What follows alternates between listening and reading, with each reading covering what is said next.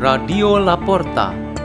The door is open for you for the growing of knowledge and wisdom of God.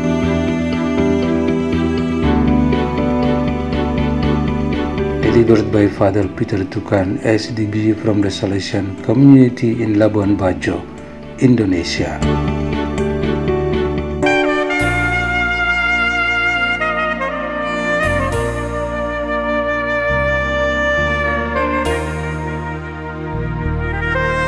Reading and meditation on the Word of God on Tuesday of the first week of Lent, March 8, 2022.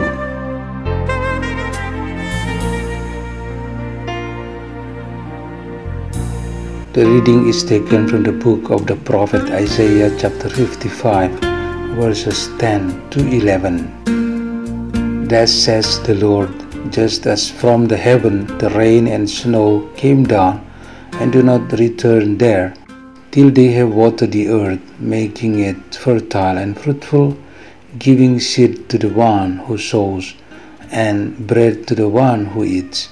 So shall my word be that goes forth from my mouth.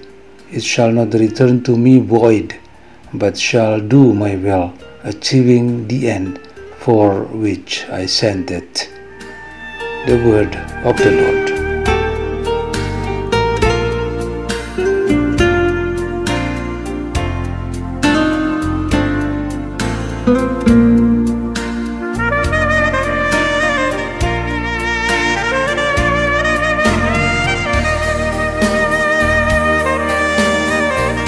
The theme for our meditation today is the word of life.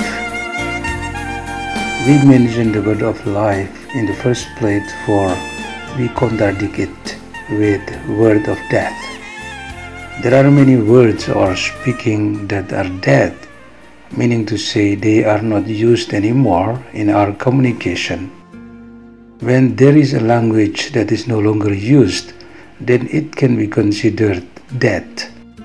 There is a number of harsh expressions or curses that we used to manifest them when we were children and teenagers, but now we don't use them anymore. They are dead. A Holy Bible that was bought but never opened, read, and just kept on a bookshelf, and so the owner forgets that he has a Holy Bible should be considered dead.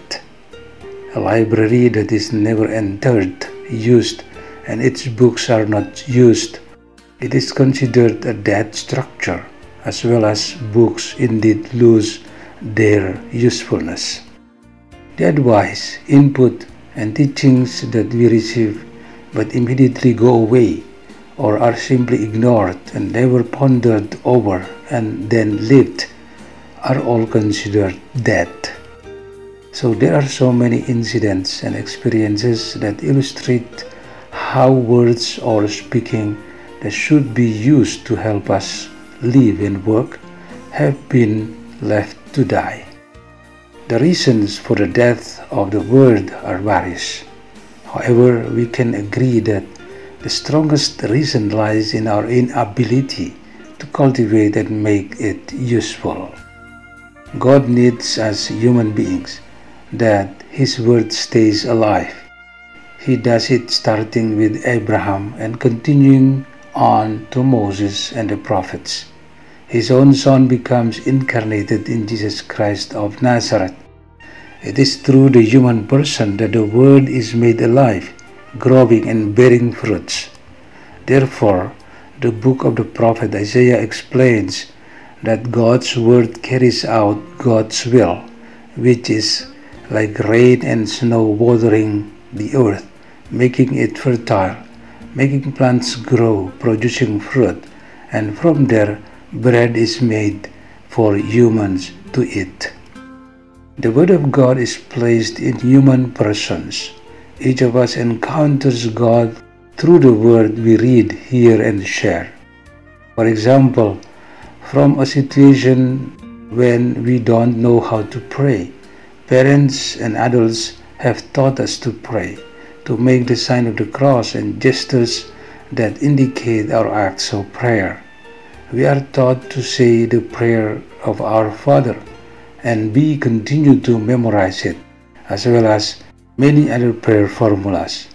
Those words of prayer, if we don't say and articulate them, think of them, and leave them out, they are just empty and dead.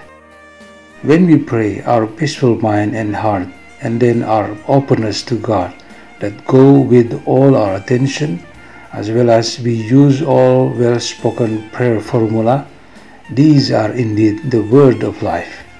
The word really brings us to life. Let's pray. In the name of the Father, and of the Son, and of the Holy Spirit. Amen. O Lord, may we continue to be fertile ground for your growing word. Glory to the Father, and to the Son, and to the Holy Spirit, as it was in the beginning, is now, and ever shall be, world without end. Amen. In the name of the Father, and of the Son, and of the Holy Spirit. Amen. Radio La Porta. The door is open for you.